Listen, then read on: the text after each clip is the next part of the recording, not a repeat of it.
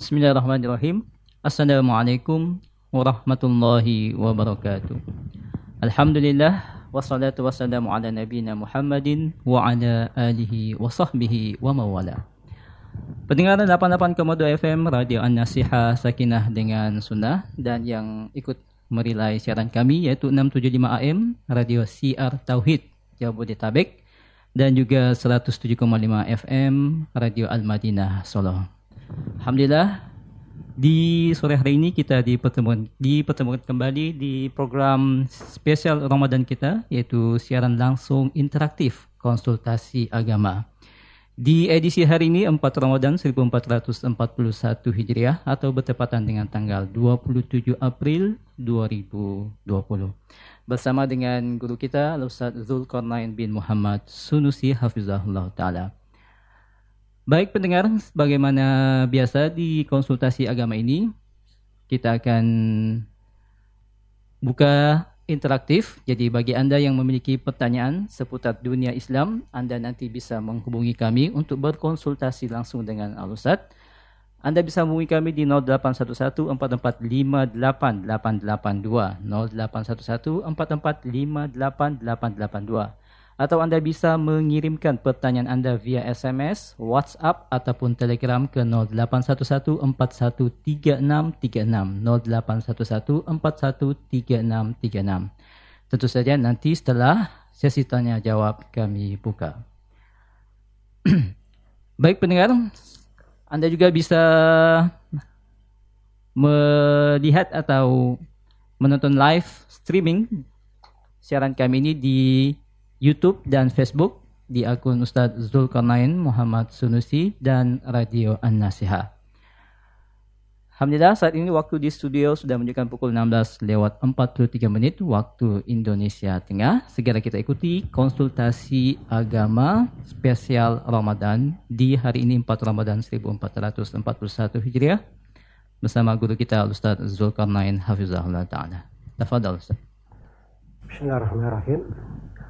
Alhamdulillahi Rabbil Alamin. Wassalatu wassalamu ala al-mabawsi rahmatan lil alamin.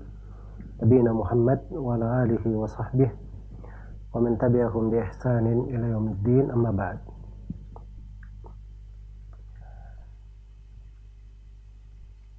Kita masih di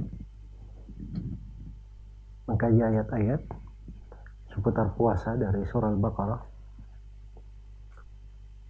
Dan pada hari yang keempat ini kita akan membahas ayat yang ke-186. Dan ini adalah ayat yang datang setelah beberapa ayat tentang puasa. Yaitu firman Allah Subhanahu wa taala billahi samiil 'aliim minasyaitonir rajim. Wa idza sa'alaka 'ibadi anni fa inni qarib ujibu da'watad da'i idza da'an falyastajibu li wal yu'minu bi la'allahum yarshudun. Apabila hambaku bertanya tentang aku bertanya bagaimana kedekatanku bagaimana aku mengabulkan doa fa inni qarib maka sesungguhnya aku ini maha dekat Ujibu da'wat da'i dadaan. Aku mengabulkan doa siapa yang berdoa apabila dia berdoa kepadaku. Falyastajibu li hendaknya dia tunduk kepadaku wal yu'minu bi dan beriman terhadapku la'allahum yarsyudun supaya mereka berada di atas rusyd. Jadi ayat yang agung ini yang datang kepada Nabi Shallallahu Alaihi Wasallam bertanya, bagaimana dia berdoa kepada Allah? Atau Allah yang dia berdoa kepadanya apakah dia dekat atau dia jauh? Maka turunlah ayat ini menjelaskan tentang hal tersebut. Karena itu di kitab ayat dikatakan wa idza sa'alaka apabila ditanyakan kepada engkau ya Nabi Muhammad ibadi oleh hamba-hambaku. Atau orang-orang yang beriman. Anni tentangku. Maka jawablah fa ini qarib. Sesungguhnya aku ini maha dekat. Ini jawaban untuk pertanyaan. Sesungguhnya aku maha dekat ujibu da'wat da idza da'ani aku mengabulkan memperkenalkan doa orang yang berdoa apabila dia berdoa kepadaku. Iya. Ini penegasan bahwa Allah maha dekat. Allah mengabulkan doa. Karena itu di sebagian ayat digabungkan dua nama dari Asmaul Husna. Qaribun mujib. Maha dekat lagi maha mengabulkan doa. Ujibu da'wat da'i tidak da'an. Aku mengabulkan doa orang yang berdoa apabila dia berdoa kepadaku. Ya. Jadi orang yang berdoa itu memang kata kerja ya orang yang melakukan doa. Dan ditegaskan lagi kelanjutan ayat perbuatannya apabila dia berdoa kepadaku untuk menegaskan kejujurannya di dalam doa kesungguhannya. Dan dia menempuh etika dan adab di dalam doa itu. Falyastajibu li maka dia mereka tunduk kepadaku wal yu'minu bi dan beriman kepadaku. Iya. Jadi perintah supaya tunduk kepada Allah al dan perintah untuk beriman. Dan dijamin di akhirnya la'allahum yarsyudun. Pasti mereka akan mendapat rushd. Akan berada di atas kelurusan jalan. Iya. Jadi itu makna dari ayat ini secara global. Kandungan dari ayat ini yang pertama terkait dengan pembahasan puasa. Bahwa puasa itu adalah tempat dikabulkannya doa. Nah, ini di antara rahasia kenapa di sela-sela pembahasan ayat puasa ada ayat ini dimasukkan terkait dengan doa. Karena memang pada saat berpuasa kita adalah waktu mustajabah untuk berdoa. Karena itu datang di Sahih Muslim katakan wa man kana sa'iman falyusalli atau man kana sa'iman falyusalli barang siapa yang berpuasa hendaknya dia berdoa Sholat di situ bermana bahasa, bermana berdoa. Iya. Dan juga telah datang hadit-hadit tentang keutamaan berdoa saat berbuka puasa. Berdoa saat berbuka puasa. Bahkan itu adalah saat-saat mustajabah untuk berdoa. Karena itu syah di dalam hadit-hadit riwayat Bukhari dan Muslim tentang hal tersebut. Bagaimana doa itu mustajabah pada saat berbuka. Dan juga datang dalam hadis yang sahih Mustad Imam Ahmad dan selainnya dari Abu Umama Rasulullah SAW bersabda Inna lillahi utaqa inda kulli fitr Sungguhnya Allah memiliki hamba-hamba yang dibebaskan dari api neraka di setiap buka puasa. Setiap buka puasa.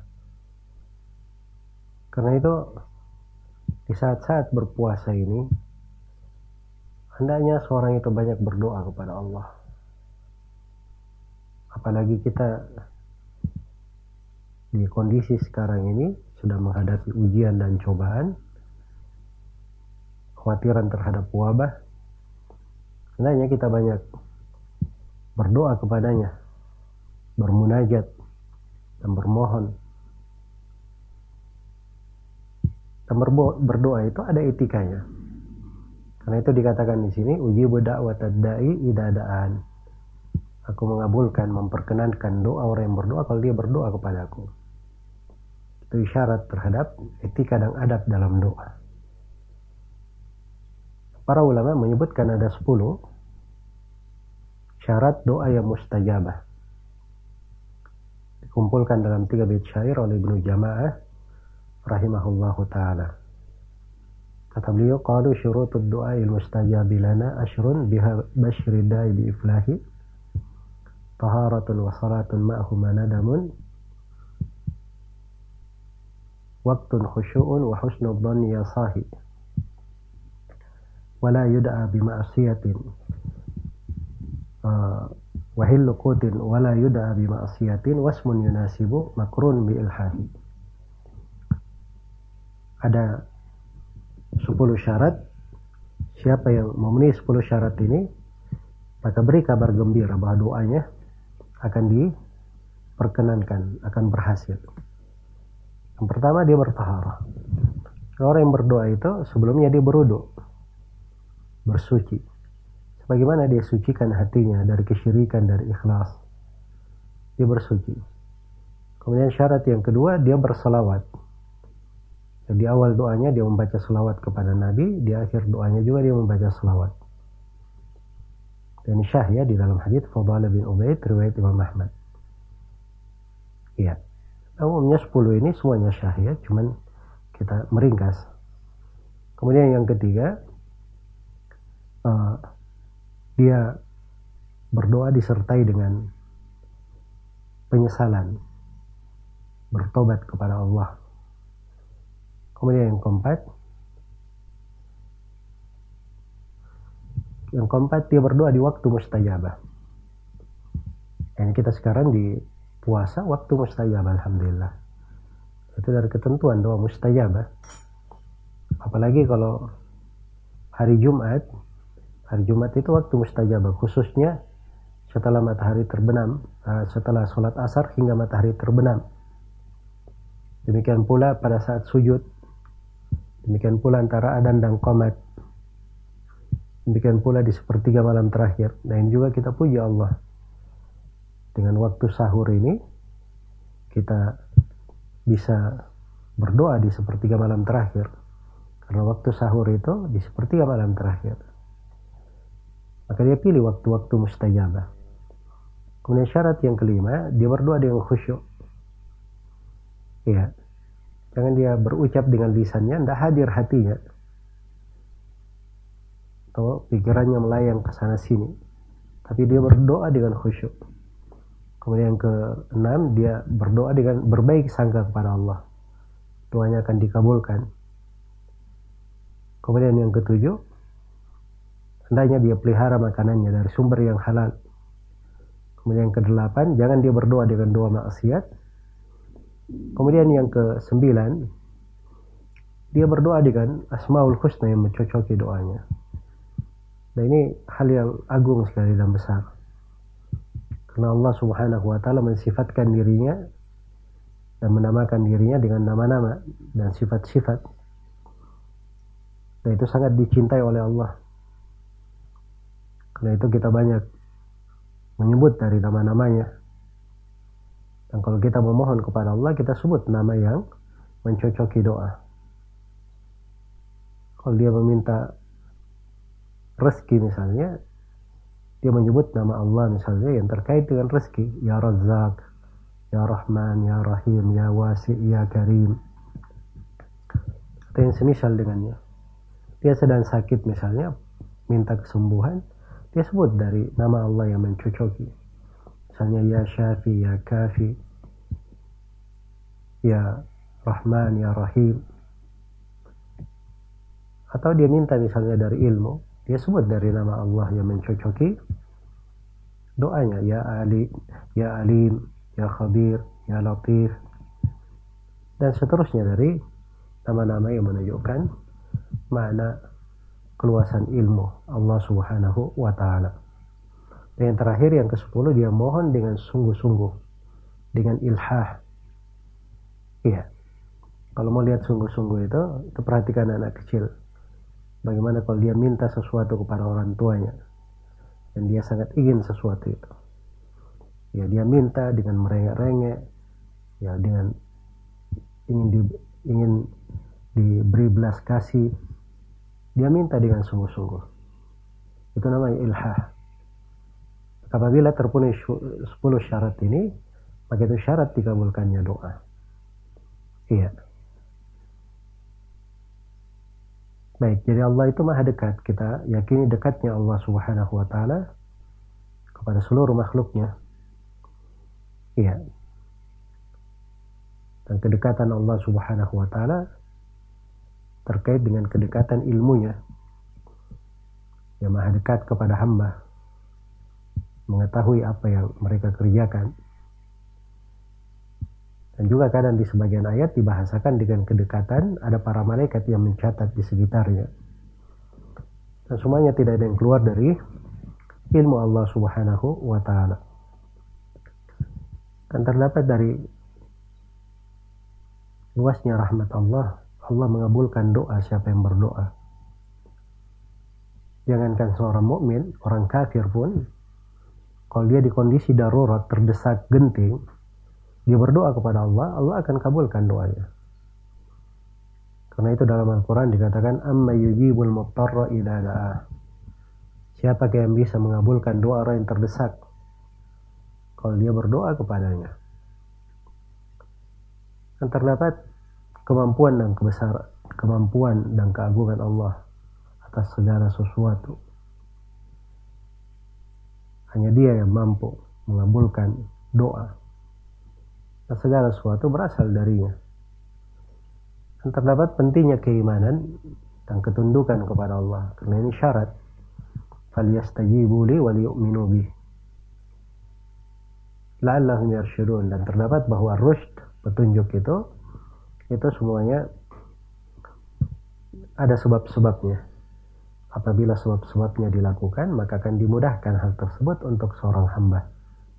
Semoga Allah Subhanahu wa taala mengabulkan doa-doa kita, memberikan ketulusan di hati kita agar supaya selalu bermunajat kepada Rob kita. Cinta kepadanya, sering menyebut nama-namanya, kita mengakui dosa-dosa kita, keboliman kita, banyaknya kekeliruan yang kita lakukan, dan kita mengakui kefakiran kita kepada Allah, sehingga doa itu akan terasa lebih indah dan doa itu diharapkan lebih dikabulkan di sisi Allah Subhanahu wa taala. Innahu waliyyu dzalika wal qadiru alaih wallahu taala alam. Baik, amin ya rabbal alamin.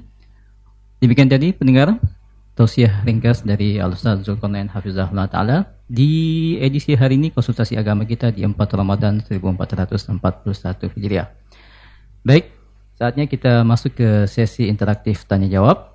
Silahkan Anda yang memiliki pertanyaan seputar dunia Islam, Anda bisa berkonsultasi langsung dengan menghubungi kami di 0811 445 8882 atau Anda bisa mengirimkan pertanyaan Anda ke 0811 413636 0811 413636 Baik, Tafadol Ustaz, dijawab beberapa pertanyaan sudah masuk ke redaksi. Baik, Bismillahirrahmanirrahim. Alhamdulillahirrabbilalamin. Wassalatu wassalamu ala mabawfi rahmatan lil alamin. Nabiina Muhammad wa ala alihi wa sahbihi wa man tabi'ahum bi ihsanin ila yaumiddin amma ba'd. Baik ini ada yang bertanya tentang sholat nafilah yang dikerjakan di rumah. Di mana seorang istri yang hafizah, bagus hafalan Qurannya dan mungkin bacanya, menjadi imam di rumahnya padahal ada laki-laki di situ. Katakan bahwa ada sebagian ulama yang memfatwakan bolehnya berdasarkan hadits Ummu Waraqah yang diberi izin oleh Nabi Shallallahu Alaihi Wasallam mengimami anggota keluarganya. Dalam riwayat Abu Dawud, Ahmad Al-Hakim Al-Bayhaqi, Ibnu Khuzaimah dan yang lainnya. Disebutkan bahwa ini adalah pendapat Abu Thawr Al-Muzani dan Tabari. Ya betul ya itu pendapat sebagian ulama. Saya perlu diketahui mayoritas ulama tidak di atas pendapat ini. Nah, hadits Ummu Waraqah yang disebutkan itu di dalam sanadnya ada dua rawi yang majhul. Ada dua rawi yang majhul. Nah, itu adalah sebab kelemahan hadis. Dan bagi bagi ulama yang menguatkannya, dia menguatkan hadisnya itu untuk pembahasan perempuan menjadi imam di tengah para perempuan. Sebab hadits Umar Waraqah Nabi sallallahu alaihi wasallam amarah anta umma ala ahli dariha bahwa Nabi sallallahu alaihi wasallam memerintah dia untuk mengimami anggota keluarganya. Anggota keluarga yang dimaksud adalah para perempuan. Tidak ada laki-laki di dalamnya. Kalau ada yang berkata bahwa tukan adannya adalah laki-laki, karena Nabi pasang untuknya tukan adan, ya jawabannya bahwa tukan adan itu tidak mesti sholat bersamanya. Kemudian yang kedua datang dalam riwayat Ad-Darukutni penyebutan bahwa anggota keluarganya perempuan. Iya. Karena itu tidak ada pendalilan di sini. Selain daripada itu, ini pendapat bukan pendapat yang dipegang oleh mayoritas ulama itu hukum dari sudut uh, hadith ini dan kandungan fikih yang terkandung di dalamnya. Dan dari sudut apa yang difatwakan di sebuah negeri, ya pendapat ini tidak dikenal di negeri-negeri kaum muslimin yang berjalan di negeri kita atau di banyak tempat tidak berjalan di atas pendapat ini. Karena itu apa yang dipegang oleh mayoritas ulama itu lebih tepat karena tidak boleh perempuan itu mengimami laki-laki. Telah tegas dari Nabi Shallallahu Alaihi Wasallam di dalam Sahih Al Bukhari dari hadits Abi Bakrah, la yuflihu qaumun wallu amrahum imra'a. Tidak akan beruntung satu kaum yang menyerahkan urusan kepemimpinannya kepada perempuan, termasuk kepemimpinan di dalam sholat. Semoga Allah memberi taufik kepada semuanya. Wallahu taala alam.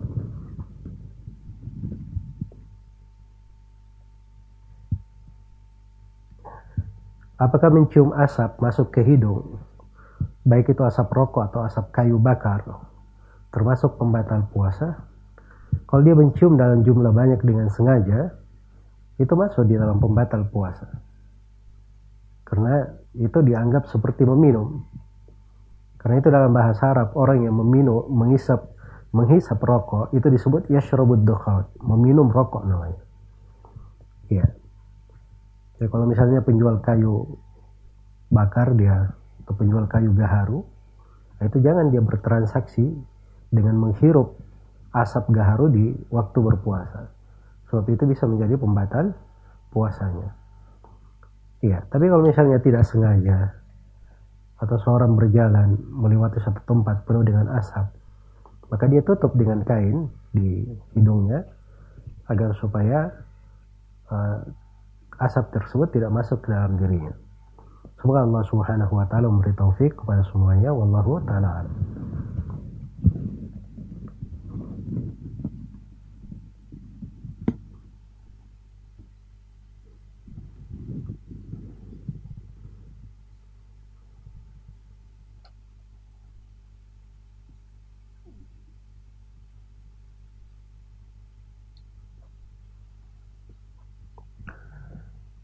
Bagaimana cara menghilangkan perasaan bersalah? Karena sudah banyak melakukan kemaksiatan, kemungkaran, dan lain-lain. Ya perasaan merasa bersalah itu nggak bisa dihilangkan. Nah itu adalah bagian dari tobat yang benar. Bagian dari tobat yang benar. Karena salah satu syarat dari tobat yang benar, dia mengakui kesalahannya dan menyesali perbuatan yang pernah dia lakukan. Ya karena itu merasa bersalah ini dipegang oleh para nabi, berpengaruh pada mereka. Di hari kiamat itu, Nabi Adam ketika didatangi oleh manusia di padang mahsyar supaya Nabi Adam mohon kepada Allah hisab dipersegera. Nabi Adam menyebut dosanya, kesalahannya. Nabi Ibrahim juga. Iya. Maka ini padahal dosa-dosa itu sudah diampuni oleh Allah. Tapi bersamaan dengan itu masih ada hal tersebut. Jadi kalau perasaan bersalah itu menjadi motivasi dia supaya menjadi lebih baik dan lebih baik, semakin giat dan giat, maka itu adalah hal yang baik, hal yang bagus. Tapi kalau perasaan merasa bersalah, membuat dia terpuruk, menjadi putus asa, nah itu bukan perasaan bersalah yang benar. Itu pasti berasal dari syaitan. Berasal dari syaitan. Maka itu dua hal yang hendaknya dibedakan. Semoga Allah memberi taufik kepada semuanya. Wallahu ta'ala alam. Fonset ada penelpon yang masuk. Bisa kita angkat? Baik, silakan. Assalamualaikum.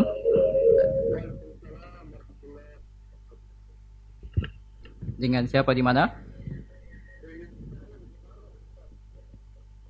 Ya, silahkan Bapak Syahrul. Iya, yang ingin saya tanyakan.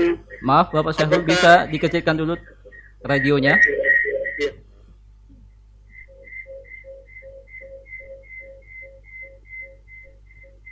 Baik, saya. Yang saya tanyakan, apakah ada doa khusus atau bacaan khusus ketika kita menerima zakat fitrah atau membayar fitrah Iya, itu saja. Terima kasih. Assalamualaikum warahmatullahi wabarakatuh.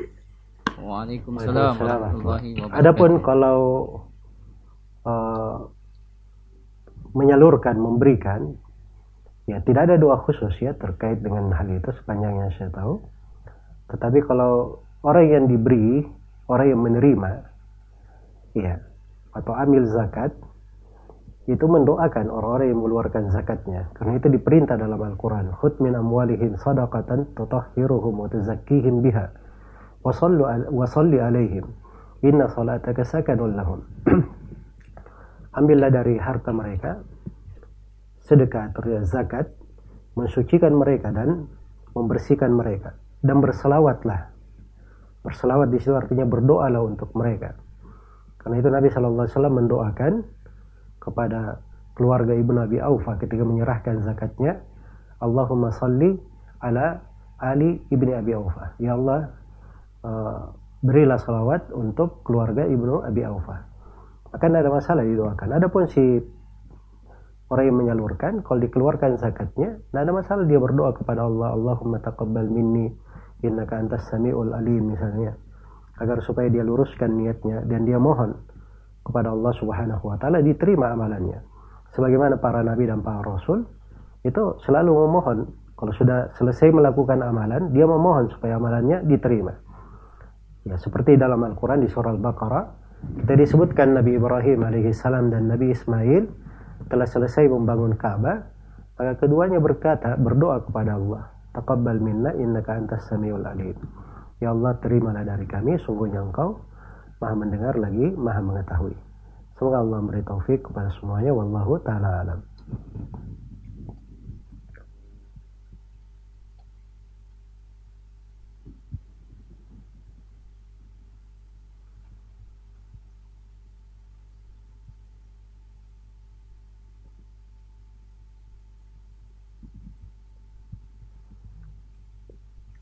Baik ini ada pertanyaan dari seorang petugas kesehatan yang merawat penderita COVID-19 di sebuah rumah sakit.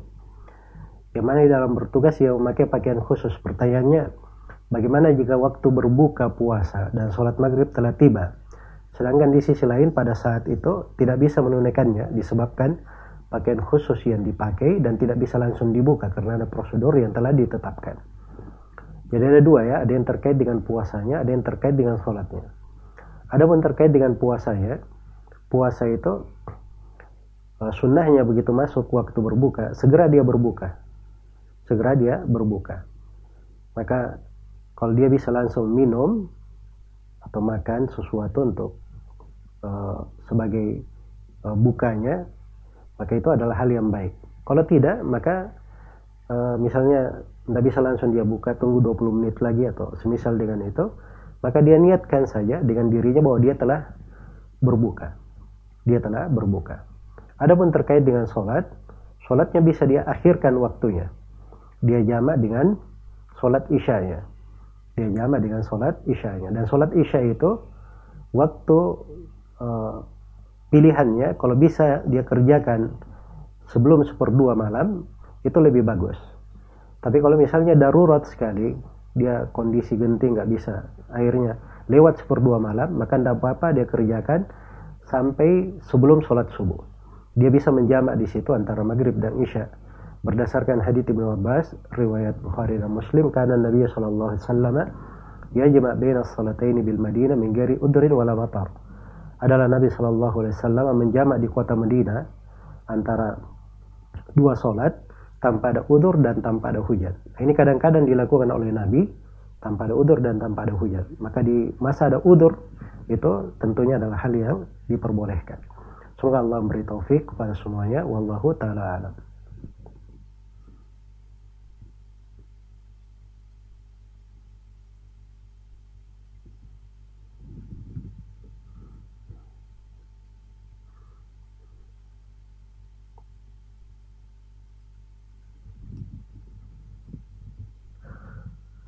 Baik ini ada penanya dari Jawa. Pertanyaannya, pagi ini saya dikir pagi dan kemudian mengantuk. Dalam kondisi setengah sadar atau setengah tidur saya memikirkan hal-hal yang uh, kurang bagus tiba-tiba saya junub.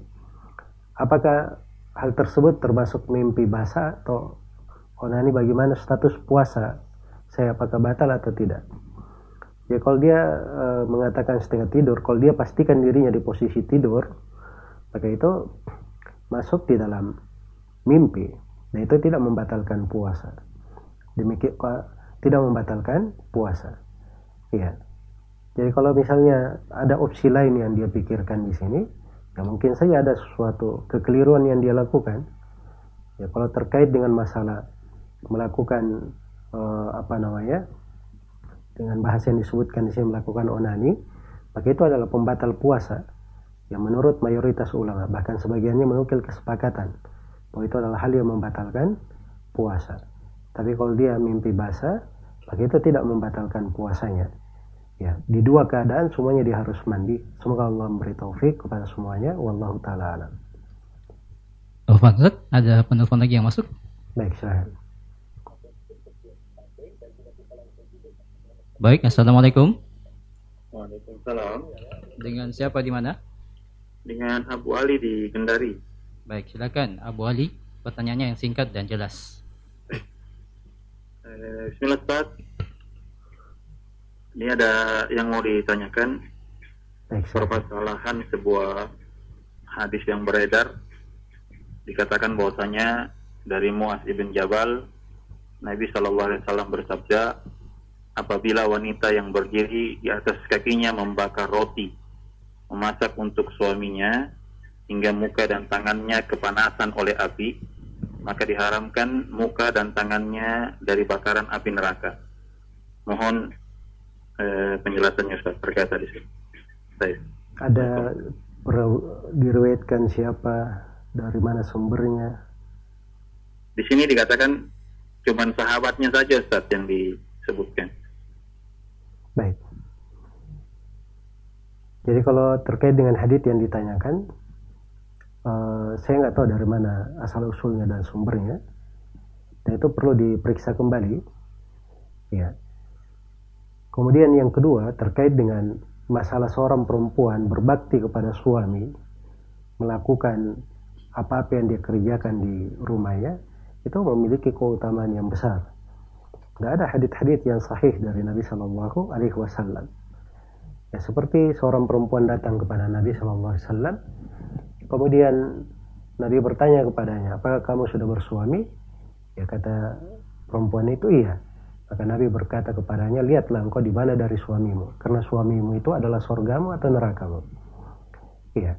Dan juga salah satu sebab dari seorang perempuan dimasukkan ke surga adalah apabila dia taat kepada suaminya. Dan banyak lagi hadith-hadith seputar itu. Semoga Allah memberi taufik kepada semuanya. Wallahu ta'ala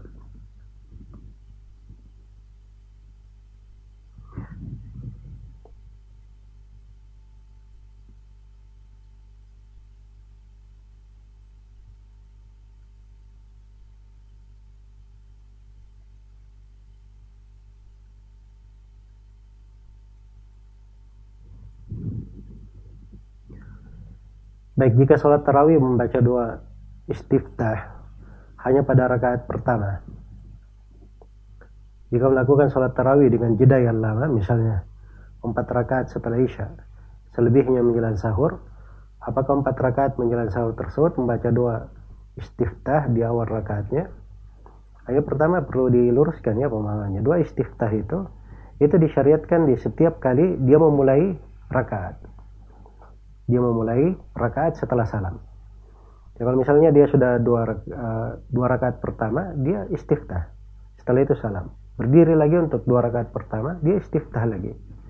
Karena itu Nabi ajarkan dua istiftah yang dibaca pada sholat malam. Diajarkan berbagai dua istiftah. Ya dan itu dibaca semuanya. Ya, kalau dia sambung misalnya empat rakaat dia lakukan empat rakaat di awal empat rakaat lagi di akhir maka itu nggak ada masalah. Dan di semua tempat di awal rakaatnya dia membaca dua istiftah semoga Allah memberi taufik kepada semuanya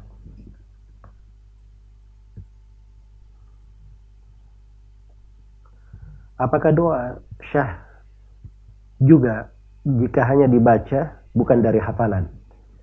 Jawabannya tidak ada masalah ya. Seorang berdoa boleh dia membaca dengan hafalannya dan boleh dia baca dari apa yang dia lihat.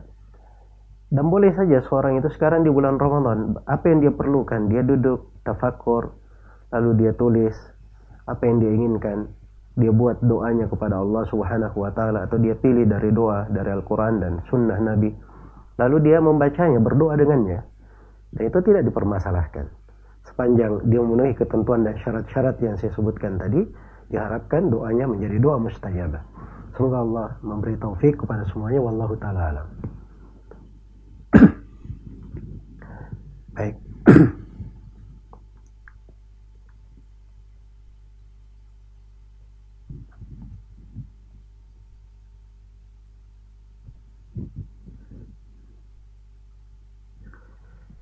Jika ada cairan putih yang keluar dari kemaluan dalam keadaan sadar, apakah dapat membatalkan puasa?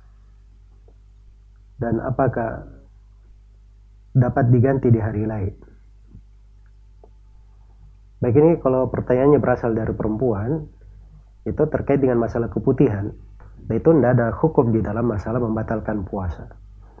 Tetapi kalau pertanyaan yang dimaksud cairan putih bermana air mani, nah ini dilihat jenis keluarnya bagaimana. Kalau keluarnya diiringi dengan desakan dan rasa lezat, maka itu adalah hal yang disengaja namanya, yaitu membatalkan puasa ya. Kalau dia lakukan dengan sadar dan sengaja. Tapi kalau misalnya keluar, dia sadar tetapi keluar sendiri, ya tanpa ada desakan dan tidak diiringi dengan rasa lezat, maka itu uh, tidak membatalkan puasa. Semoga Allah Subhanahu wa taala memberi taufik kepada semuanya wallahu taala alam.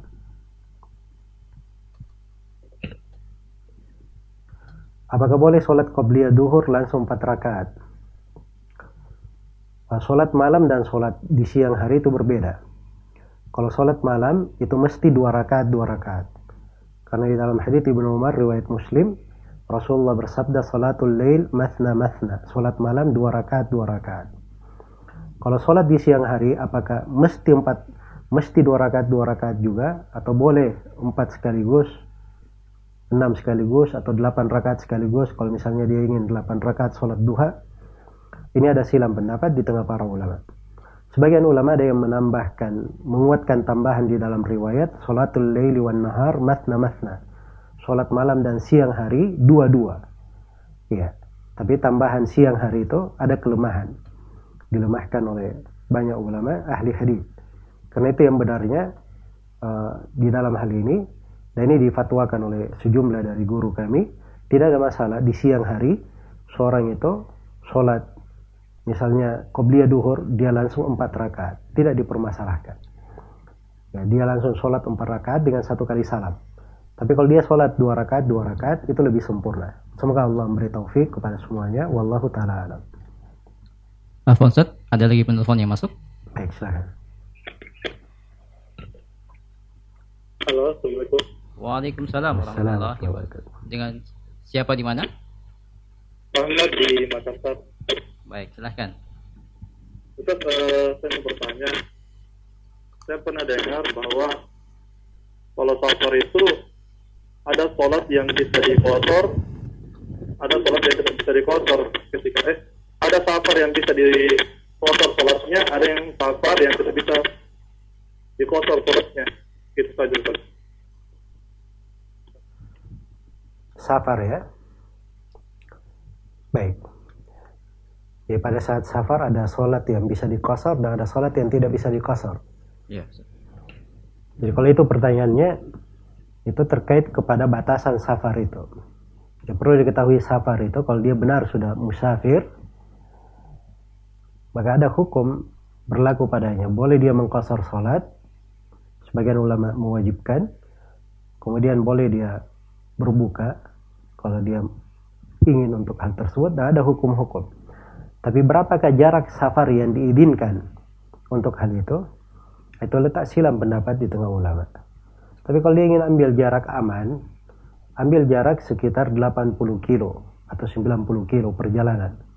Jadi kalau dia berjalan dari sebuah kota ke kota yang lain, sejarak sekitar 90 kilo atau lebih, maka itu dia telah musafir namanya. Boleh dia mengkosor salatnya. Ya wallahu ta'ala alam.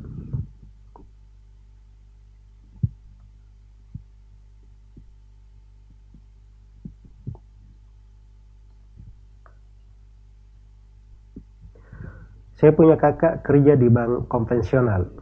Dan setiap tiba waktu pembayaran zakat fitri, dia selalu membayarnya. Apakah zakat fitrinya syah untuk? Nah, dia selalu membayarkan zakat fitri saya. Apakah zakat fitri saya syah? Yang gak ada masalah ya kalau dibayarkan oleh kakak yang penghasilannya bercampur. Kalau dia kerja di bank konvensional, itu namanya penghasilan bercampur ada harta haramnya ada harta halalnya. Ya kalau misalnya dia memberi suatu pemberian maka itu tidak ada masalah untuk diterima. Karena Nabi Shallallahu Alaihi Wasallam menerima hadiah dari orang-orang Yahudi. Dan orang-orang Yahudi itu memakan riba. Semoga Allah Subhanahu Wa Taala memberi taufik kepada semuanya. Wallahu taala alam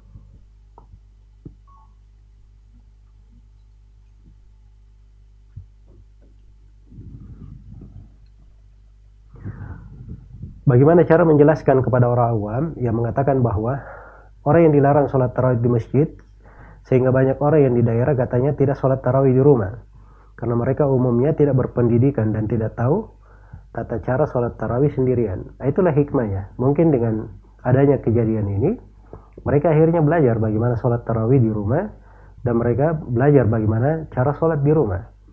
Kalaupun itu tidak dia lakukan, maka dia di kondisi udur, hal yang kebiasaannya dia lakukan setiap tahun di bulan Ramadan, lalu tahun ini tidak dia lakukan karena dia punya udur misalnya, dia punya udur untuk hal tersebut, Allah catat untuknya tetap kebaikan untuk hal itu. Makanya jangan membuat seram sesuatu itu. Apalagi di kondisi uh, anjuran dari pemerintah, arahan pemerintah supaya tidak sholat tarawih di masjid, itu untuk menyelamatkan jiwa-jiwa.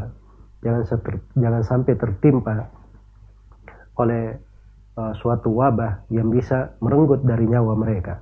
Semoga Allah Subhanahu wa taala memberi kebaikan dan taufik kepada semuanya dan selalu membimbing kita di atas jalan yang lurus wallahu taala alam.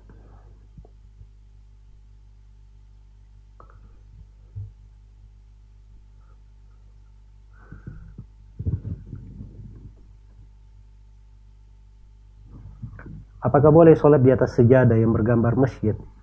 Karena saya pernah membaca tentang larangan sholat di atas sejadah yang bergambar Ka'bah. Apa juga termasuk gambar masjid? Ya gambar-gambar itu tadi itu terkait dengan masalah mengganggu di dalam sholat. Karena itu Nabi Shallallahu Alaihi Wasallam pernah sholat di rumah Aisyah dan di depan beliau itu ada kain yang bercorak dan itu membuat beliau lalai di dalam membuat beliau tersibukkan di dalam sholatnya. Maka selepas sholat Nabi perintah kain itu dicopot lalu dibawa ke rumah Abu Jahal dan lalu diganti dengan ambijania kain yang tanpa bercorak agar supaya tidak melalaikannya di dalam sholat. Dan Rasulullah SAW memberi ketentuan umum di dalam hadith Abdullah bin Mas'ud riwayat Bukhari dan Muslim inna fi salati syuglan. Sungguhnya di dalam sholat itu kesibukan yang sangat menyibukkan maka asalnya jangan dia sibuk, jangan dia buat dirinya dengan suatu hal yang bisa menyibukkannya dengan gambar-gambar, hal yang bisa dia lihat di depannya. dia buat hal yang polos saja supaya dia bisa konsentrasi di dalam sholatnya sibuk dengan urusan bacaan dan sholatnya semoga Allah subhanahu wa ta'ala memberi taufik kepada semuanya. Wallahu ta'ala alam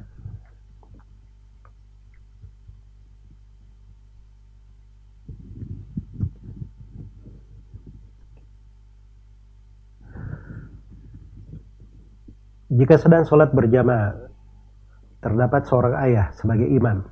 Makmumnya satu orang kakak laki-laki serta tiga orang perempuan termasuk ibu. Pertanyaan saya, di mana posisi kakak laki-laki saya? Apakah di samping imam atau di belakang imam? Ini pertanyaan yang bagus ya. Jadi kalau misalnya ada imam, ada satu laki-laki makmum, dan ada tiga perempuan makmum, maka posisi imam dan makmum itu sejajar. Posisi imam dan satu laki-laki itu sejajar. Iya.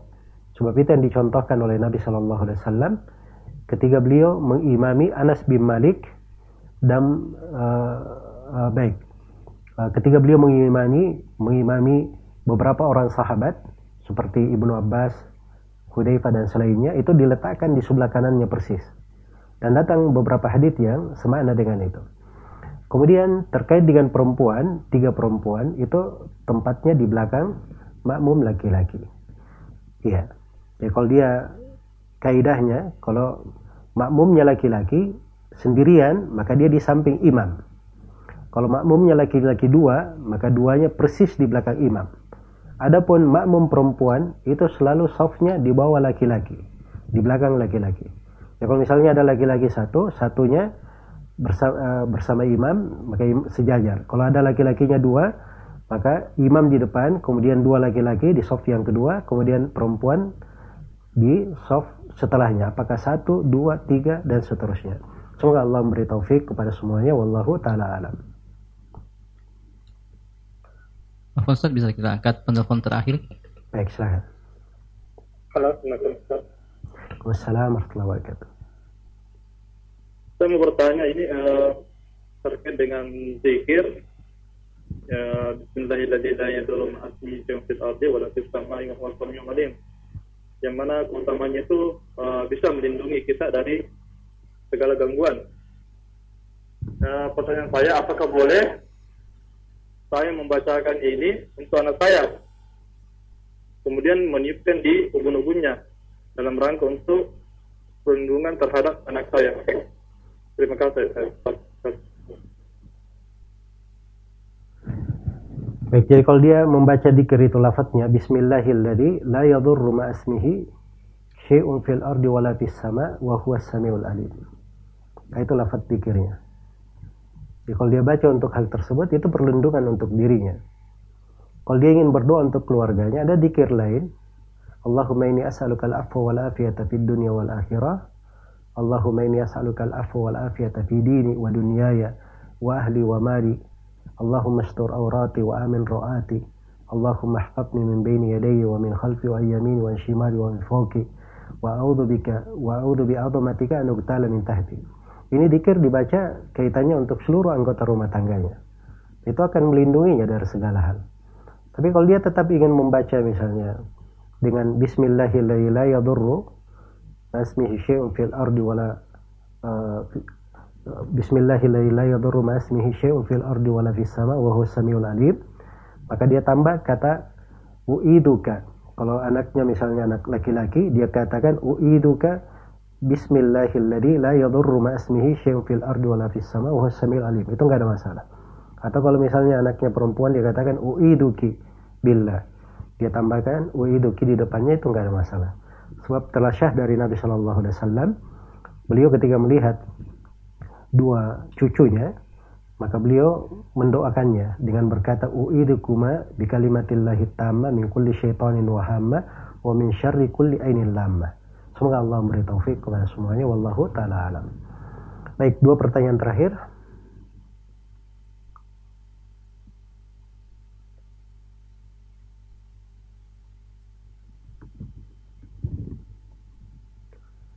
Kalau kita punya piutang kepada seorang yang berhak menerima zakat, lalu kita punya kewajiban zakat, bolehkah kewajiban zakat tersebut disalurkan kepada orang tersebut dengan mengurangi utangnya sejumlah zakat kita. Kalau dia misalnya orang yang fakir, miskin, kita beri, maka diberikan tanpa melihat ada hutang atau tidak. Kalau sudah diberi, ya terserah dia. Dia mau bayar hutangnya, itu kembali kepada dia. Dia mau salurkan kepada hal yang lain, itu kembali kepada dia. Adapun si uh, penyalur zakat yang mengeluarkan zakat, tidak boleh dia syaratkan. Ini saya berikan zakat ini dengan syarat kamu bayar hutangmu kepada saya. Tidak boleh dia mensyaratkan seperti itu. Wallahu ta'ala alam.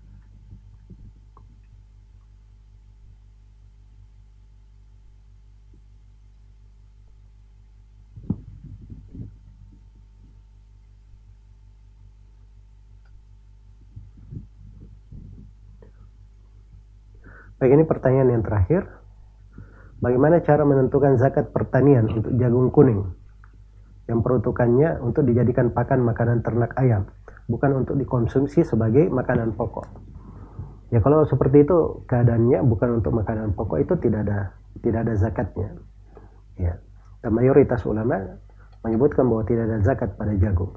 Semoga Allah Subhanahu wa taala memberi taufik kepada semuanya wallahu taala. Baik, kita ucapkan jazakallah khair wa barakallahu fiik kepada guru kita Al-Ustaz Zulkarnain Hafizahullah Ta'ala atas tausiah ringkasnya tadi dan jawaban-jawaban terhadap beberapa pertanyaan yang sudah masuk ke redaksi. Dan banyaknya pertanyaan yang masuk juga tadi beberapa penelpon yang tidak sempat kami angkat. Kami mohon maaf. Silakan Anda mencoba kembali di konsultasi agama kita insyaallah besok di jam yang sama pada pukul 16 lewat 30 menit waktu Indonesia Tengah. Dan untuk Anda pendengar yang terlewatkan dari mendengar konsultasi agama kita pada sore hari ini, Anda bisa mendengar kembali siaran ulangnya, insyaAllah besok, di pukul 3 lewat 30 menit waktu Indonesia Tengah di dini hari, bisa menemani Anda ketika bersahur sambil mendengarkan konsultasi agama, siaran ulang, kita besok di pukul 3 lewat 30 menit dini hari waktu Indonesia Tengah. Dan kami informasikan untuk warga Makassar dan sekitarnya, waktu sholat maghrib hari ini atau waktu berbuka puasa pada pukul 6 lewat 1 menit waktu Indonesia Tengah. Pukul 6 lewat 1 menit waktu Indonesia Tengah. Baik, demikianlah konsultasi agama kita spesial Ramadan pada hari ini. Kami mohon maaf atas segala kekurangan. Subhanakallahumma wa bihamdik. Ashhadu an la ilaha illa anta astaghfiruka wa atubu ilaik. Wassalamualaikum warahmatullahi wabarakatuh.